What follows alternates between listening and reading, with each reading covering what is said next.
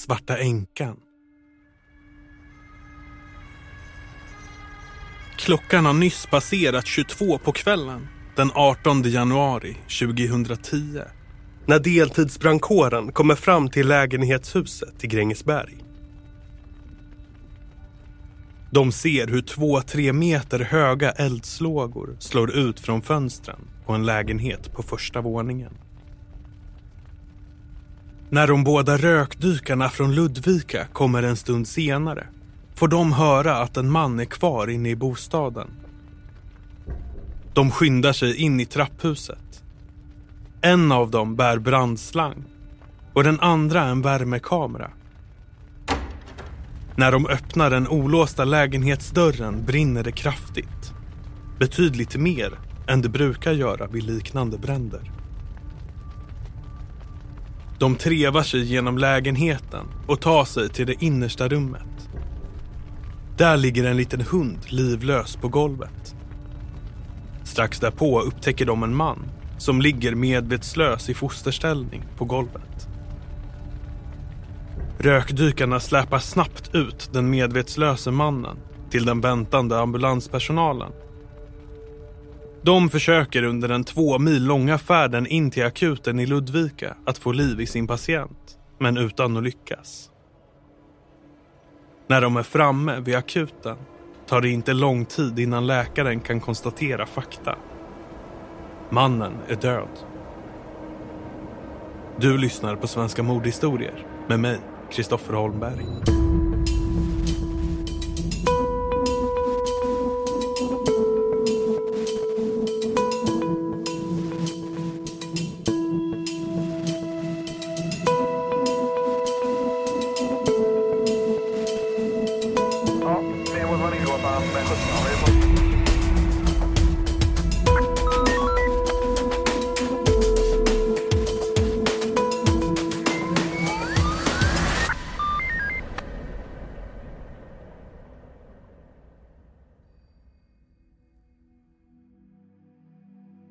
Pigge föds hösten 1963 och växer upp med sina föräldrar och en syster i Västergötland och Halland.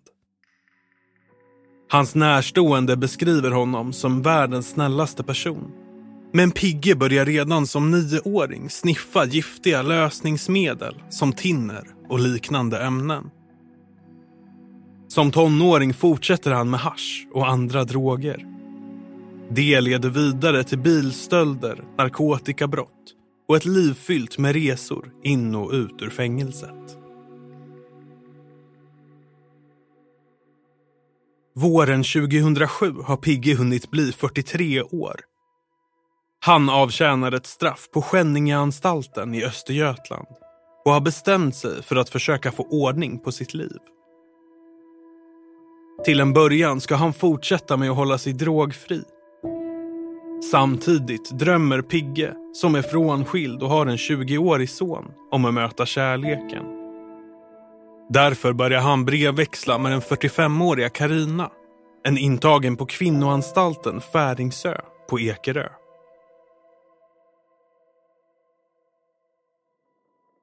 Trots att de båda sitter i fängelse går det oerhört fort för Pigge och Karina att bestämma att de ska gifta sig. Den 28 augusti 2007, när Karina har permission under åtta timmar, reser hon till Skänninge, uppklädd i en beige blus och högklackade skor. I anstaltens nybyggda kapell väntar Pigge. Fängelseprästen har ordnat både med rosenbukett och brudslöja och man har anlitat fotograf och musikunderhållning. Efteråt firar de med kaffe och tårta. Det råder inget tvivel om att den långa och finklädda Karina med sin raka kroppshållning är en stilig brud. Men Pigges kap kommer med en stor varningsskylt. Hon sitter inne för dråp på en man hon tidigare haft en relation med. Vi tar det från början.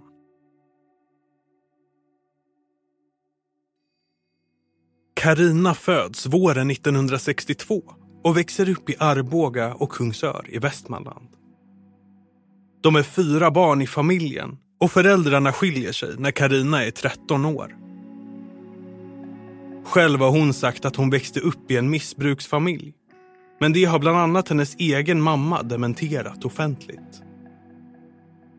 Det som i alla fall är helt klart är att Karina som barn kräver mycket psykologiskt stöd. Hon åker in och ut på barn och ungdomspsykiatrin. Och många år senare får hon diagnosen ADHD. Redan före tonåren börjar hon sniffa lösningsmedel. Och snart är hon inne i ett missbruk med destruktiva kärleksrelationer och en livsstil som gör att hon placeras i fosterhem. I början av 1980-talet, när hon är i 20-årsåldern, hamnar Karina på kvinnofängelset Hinseberg i Västmanland för första gången. Hon har blivit dömd för stöld och häleri och månaderna på fängelset ägnar hon åt att gå en trädgårdsskötarutbildning. Men snart är hon ute igen och fortsätter sitt missbrukarliv. Tio år senare, när Karina är inlagd på behandlingshem lär hon känna medpatienten Robert. De flyttar snart ihop och bor först i Norrköping och senare i Arboga. Men Robert misshandlar Karina och 1992, i samband med att hon anmäler honom och han döms till sex månaders fängelse, separerar de. Våren efter har Robert ännu inte påbörjat sitt straff. Och nu börjar han och Karina umgås igen som vänner. Och när hon plötsligt blir bostadslös får hon dessutom flytta hem till honom. Den 22 juni 1993 närmar sig Roberts fängelsevistelse och de bestämmer sig för att passa på att ha en festkväll. Tio burkar öl och ett restaurangbesök senare slår de sig ner hemma hos Robert med en flaska hembränt. Efteråt kommer Robert berätta att de den här kvällen bestämmer sig för att bli tillsammans igen. Karina och sin sida hävdar senare att det inte stämmer. Istället har de bråkat och Robert har dessutom varit hotfull mot henne. Say hello to a new era of mental health care. Cerebral is here to help you achieve your mental wellness goals with professional therapy and medication management support. 100% online. You'll experience the all new Cerebral Way, an innovative approach to mental wellness designed around you. You'll get a personalized treatment plan from a therapist, prescriber, or both in a safe and judgment free space. Your cerebral therapist or prescriber will outline a customized plan with clear milestones along the way so you can get to feeling your best. With Cerebral, you're not alone in your mental health journey. We're here to empower you to live a fulfilling life. So take that first step towards a brighter future and sign up today at cerebral.com slash podcast and use code ACasts to get 15% off your first month. Offer only valid on monthly plans. Other exclusions may apply. Offer ends July 31st, 2024. See site for details. Förklarar hon. Under natten knackar Karina på hos en granne och berättar att hon knivhuggit Robert medan han sov. Karina ringer polisen och när de kommer hittar de Robert sovande i soffan med en sårskada i låret. Karina döms till ett års fängelse för grov misshandel. Året efter händelsen gifter sig Karina för första gången. Men hon och mannen skiljer sig efter bara sex månader. Senare avlider mannen av naturliga orsaker. Det finns inga misstankar om att Karina skulle ha med hans död att göra. Men tillsammans med knivdådet mot Robert blir det grunden till ett rykte om att män som blir tillsammans med Karina råkar illa ut. Hos polisen i Arboga är Karina en välkänd person. De vet att hon på en sekund kan ändras från att vara trevlig och medgörlig till aggressiv och fysiskt våldsam. Bland annat hotar hon ett par socialsekreterare som vägrar ha möte med henne när hon är alkoholpåverkad. En av poliserna som brukar ha med Karina att göra konstaterar att hon är, citat, stark som en kar. Men bland männen i Arboga-traktens missbrukarkretsar är Karina en populär kvinna. De dras till henne som flugor, konstaterar en socialsekreterare. Många tycker att Karina ser bra ut och är rolig och de kommande åren har hon kärleksrelationer med många olika män.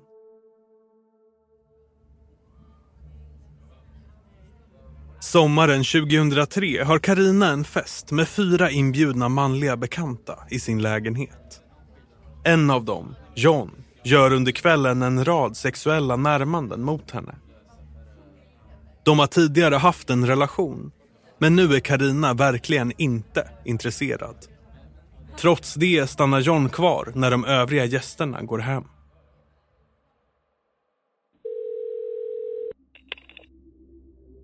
Under natten ringer Karina till en av de andra gästerna från festen och berättar att John inte längre andas. Gästen ringer i sin tur polisen. När polisen kommer dit berättar hon att John har försökt våldta henne och att hon i panik virat en elsladd om hans hals och dragit åt. Tingsrätten dömer henne till tio års fängelse för mord. Men när fallet kommer upp i hovrätten tar den fasta på vad de andra männen på festen berättat. De menar alla att John betett sig respektlöst mot Karina och provocerat fram det som senare hände. Hovrätten väljer nu att istället döma Karina till åtta års fängelse för dråp. Karina börjar avtjäna sitt straff på Hinsebergsanstalten men har inte givit upp hoppet om kärleken. Genom brevväxling får hon kontakt med en dråpdömd fånge på Kalmaranstalten. Samhörigheten de känner med varandra leder vidare till kärlek och giftermål. Men de får aldrig någon tid i frihet tillsammans. Redan sedan innan de träffades har mannen varit svårt sjuk. Och efter bara tre månaders äktenskap avlider han. Det är några år efter det som Karina får kontakt med Pigge för första gången. Bröllopet på anstalten i Skänninge 2007. Då när Karina har högklackade skor och en beige blus. Och fängelseprästen har fixat både slöja och brudbukett. Är alltså hennes tredje giftermål. Pigges syster blir minst sagt orolig när hon hör talas om Karina. Dels är hon rädd att Pigge ska börja knarka igen när han gifter sig med henne. Och dels känner hon till att Karina är dömd för dråp på en före detta pojkvän. Men Pigge lugnar systern med att han vet vad han gör och att han litar på Karina. 2008 är det dags för både Pigge och Karina att släppas ut i frihet. De hamnar i Heby i västra Uppland där Karina har ut ett hus. Men parets liv i frihet verkar ha varit en besvikelse och tiden i Heby blir kortvarig. När de passar Pigges sons hund, en pitbullterrier, biter den ihjäl grannens katt. Efter det blir de vräkta från huset. De flyttar till Grängesberg i Dalarna, där Pigges syster bor. Efter att ha varit inneboende hos systern en tid får de 2009 en egen lägenhet. Bara ett stenkast från Spendrupsfabriken som är något av en mittpunkt för orten. De är båda sjukpensionärer, missbrukar när de har råd och har det, som Karina beskriver det efteråt, varken särskilt bra eller särskilt dåligt. Pigges syster försöker nu acceptera Karina som sin svägerska och gör allt för att släppa in henne i familjen. När Karina säger saker som att hon vill ta bort Pigges son och hans hund eller att hon vill slakta Pigge och dela upp honom i småbitar väljer systern att skratta bort det hela. Men någonstans där inne gnager en känsla. Hon tycker att Karina känns oberäknelig och hon undrar om inte det dråp Karina har suttit i fängelse för i själva verket var ett planerat mord. Måndagen den 18 januari 2010 är Pigges son Magnus hemma och hälsar på Pigge och Karina i lägenheten i Grängesberg. Magnus är ölsugen, men eftersom Pigges och Karinas sjukpensioner ännu dröjer någon vecka är de panka. De lyckas till sist låna ihop ett par hundra och en skvätt bensin och kan bege sig till Systembolaget i Ludvika och handla. Där köper de 15 starköl och efter 14 på eftermiddagen är de tillbaka i Grängesberg. De närmsta timmarna umgås de och dricker öl. Enligt vad sonen Magnus senare minns har de trevligt och håller sams hela tiden. För även om andra har hört Karina säga nedsättande saker om Magnus tycker han att de har en bra relation. Han har själv drogproblem och tycker att Karina har fungerat som en stöttande bonusmamma när han behövt det. Say hello to a new era of mental health care. Cerebral is here to help you achieve your mental wellness goals with professional therapy and medication management support. 100% online. You'll experience the all new Cerebral Way, an innovative approach to mental wellness designed around you. You'll get a personalized treatment plan from a therapist, prescriber, or both in a safe and judgment free space. Your cerebral therapist or prescriber will outline a customized plan with clear milestones along the way so you can get to feeling your best. With Cerebral, you're not alone in your mental health journey. We're here to empower you to live a fulfilling life. So take that first step towards a brighter future and sign up today at cerebral.com slash podcast and use code ACasts to get 15% off your first month. Offer only valid on monthly plans. Other exclusions may apply. Offer ends July 31st, 2024. See site for details. Klockan halv nio går Magnus och Karina ut med sina hundar. Han med sin pitbull och hon med sin blandrashund Sally som är lite av hennes bebis och ögonsten. När Karina i slutet av promenaden vill gå hem till Pigges syster skiljs de båda åt.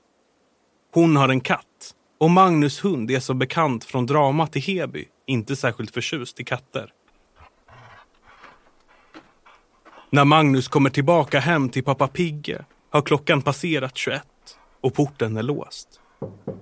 Men han lyckas knacka på en fönsterruta så att Pigge kan komma ner och släppa in honom och hunden. Fadern är trött och har redan gått och lagt sig. Därför går Magnus in i gästrummet där han sover och stänger om sig. Efter tio minuter, en kvart, hör han att Karina kommer hem och hur hon och Pigge pratar med varandra ute i lägenheten. Därefter ringer Magnus till en kompis. De har pratat en stund när han plötsligt känner hur rumstemperaturen stiger. Samtidigt ser han ett undligt ljussken genom dörrspringan. Klockan är kvart i tio samma kväll, den 18 januari 2010.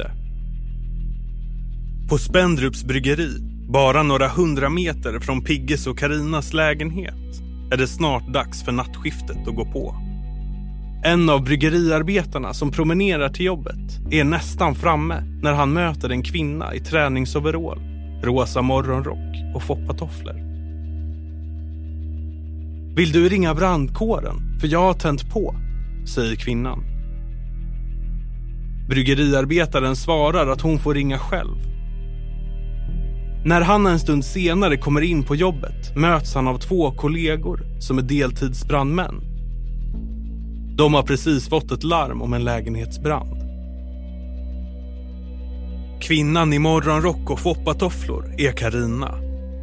Även en annan man i nattskiftet på Spendrups har lagt märke till henne. Och när han förstår att det brinner några hundra meter bort går han ut för att leta reda på henne.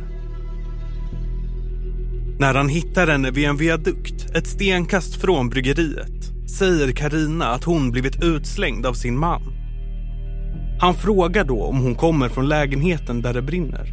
Men det nekar hon till.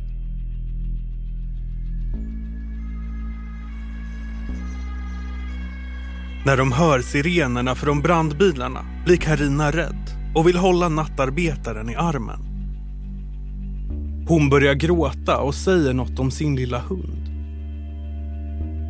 Bryggeriarbetaren bestämmer sig för att skjutsa henne till brandplatsen och under den korta färden medger Karina till slut att det är hos henne det brinner. När de är framme undrar hon hur det kan brinna så mycket och hon börjar prata om sin lilla hund igen. Efteråt reagerar bryggeriarbetaren på att hon aldrig nämnde något om de människor som hon måste ha vetat fanns i lägenheten.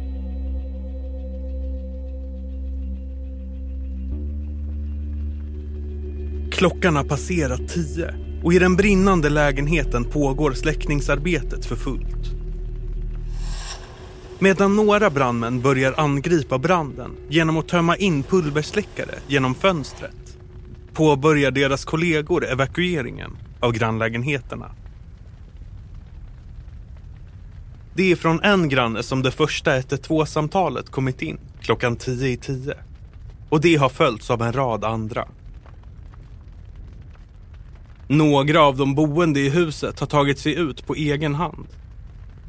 De som är kvar blir när de ringer uppmanade att stanna kvar och invänta brandkåren. En familj har så mycket rök i sin lägenhet att de får lägga sig på golvet för att kunna andas innan de får hjälp ut i januariluften.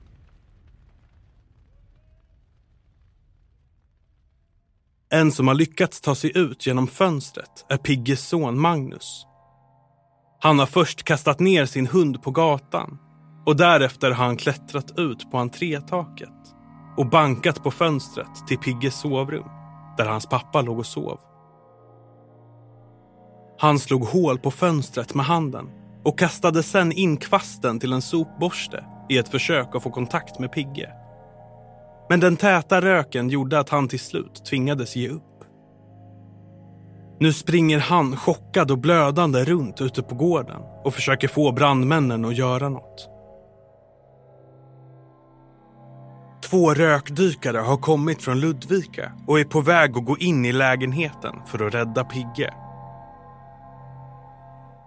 De har förstått av Magnus att det är det innersta rummet de ska ta sikte på. Men branden inne i lägenheten är värre än de någonsin tidigare varit med om vid rökdykning. En av dem måste bana vägen med en brandslang medan den andra, som är utrustad med värmekamera, fungerar som deras gemensamma ögon i den täta röken. I det innersta rummet hittar de först en lilla hund som ska visa sig vara Karina Sally som dött av röken. Sen ser de Pigge som ligger i fosterställning på golvet mellan sängen och fönstret. De vänder honom rätt och släpar honom baklänges ut ur lägenheten. Där utanför tar kollegor och ambulanspersonal över medan rökdykarna återvänder in för att fortsätta släckningsarbetet.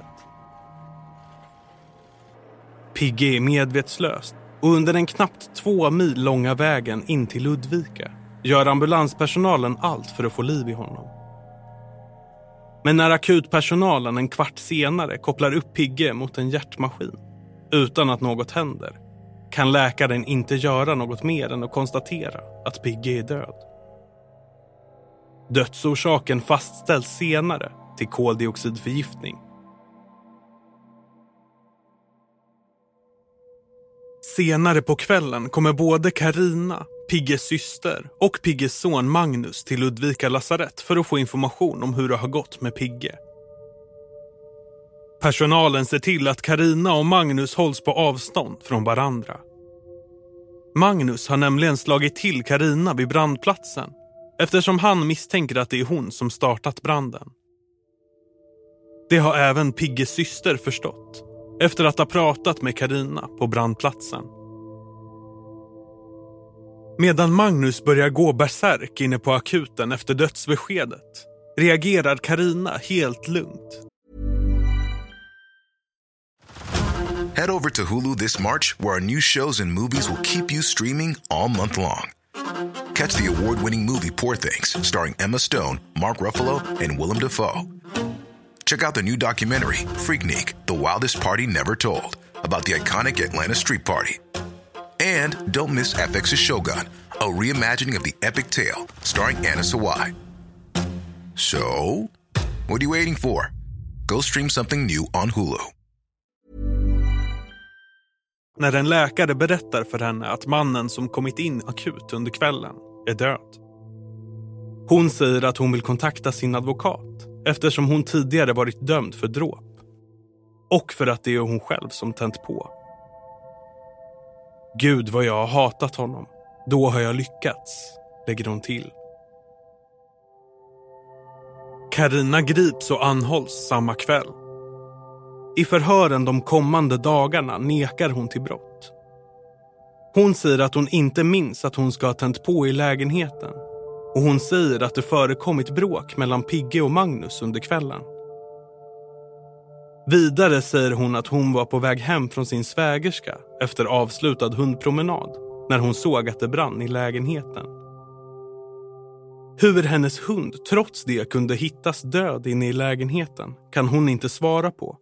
Och hon säger att hon minns väldigt lite av kvällen. Karina berättar i förhören att Pigge misshandlat henne flera gånger men att det annars inte var något särskilt med deras relation. Men det visar sig att Karina har pratat om att skada Pigge och Magnus och om att bränna ner lägenheten, både före och efter branden. Därför anses bevisen vara övertygande mot henne. I slutet av april 2010 åtalas hon för mord på Pigge och mordförsök på Magnus, som ju också befann sig i lägenheten när det började brinna. Vid rättegången i Dalarnas tingsrätt sitter Karina uttryckslös och lyssnar på åklagarens redogörelse för hur hon dödat Pigge. Men när hunden Sally nämns börjar hon gråta förtvivlat. Hennes försvarsadvokat ifrågasätter också att Karina skulle ha tänt på lägenheten med ögonstenen Sally kvar där inne. Karina genomgår en rättspsykiatrisk utredning som bedömer att hon inte utfört brottet påverkad av allvarlig psykisk störning. Därefter döms hon av både tingsrätt och hovrätt till livstidsfängelse för mord. När Högsta domstolen nekar henne prövningstillstånd blir hon en av ytterst få kvinnliga livstidsfångar i Sverige.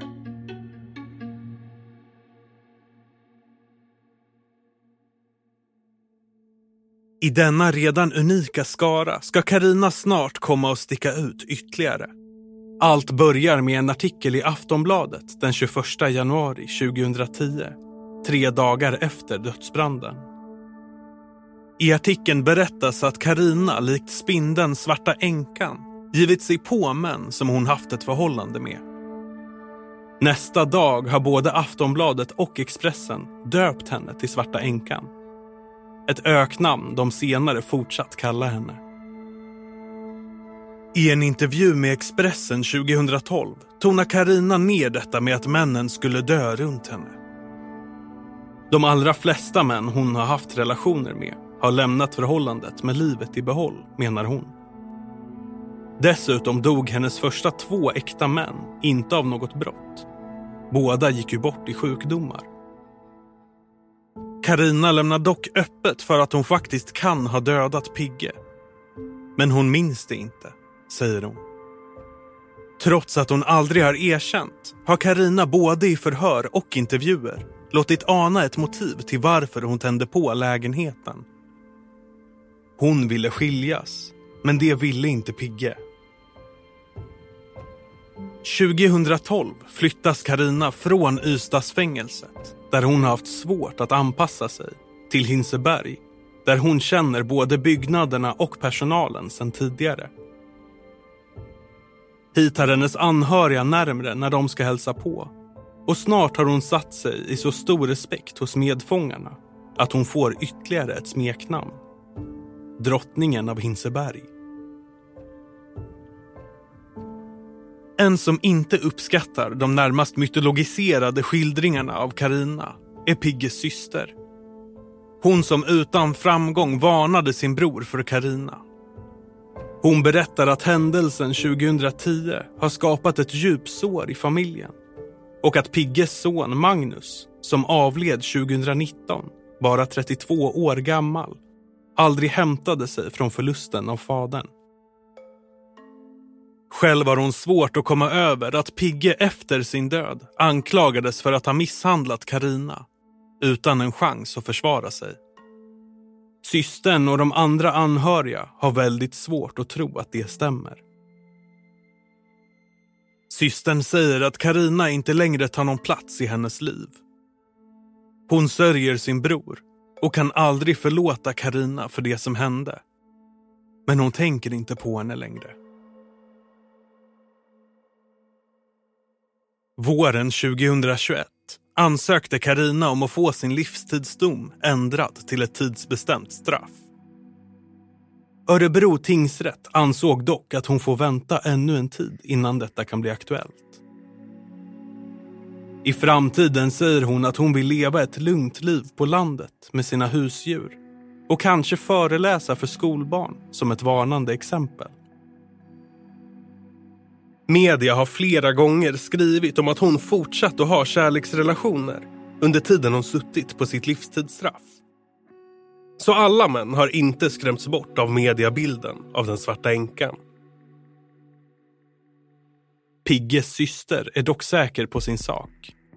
Man kan aldrig lita på Karina.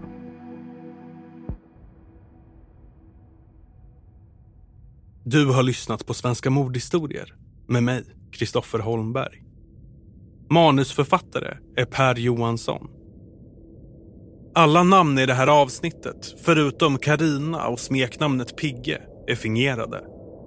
Källorna för avsnittet kan du läsa på podmi.com snedstreck svenska bindestreck mordhistorier.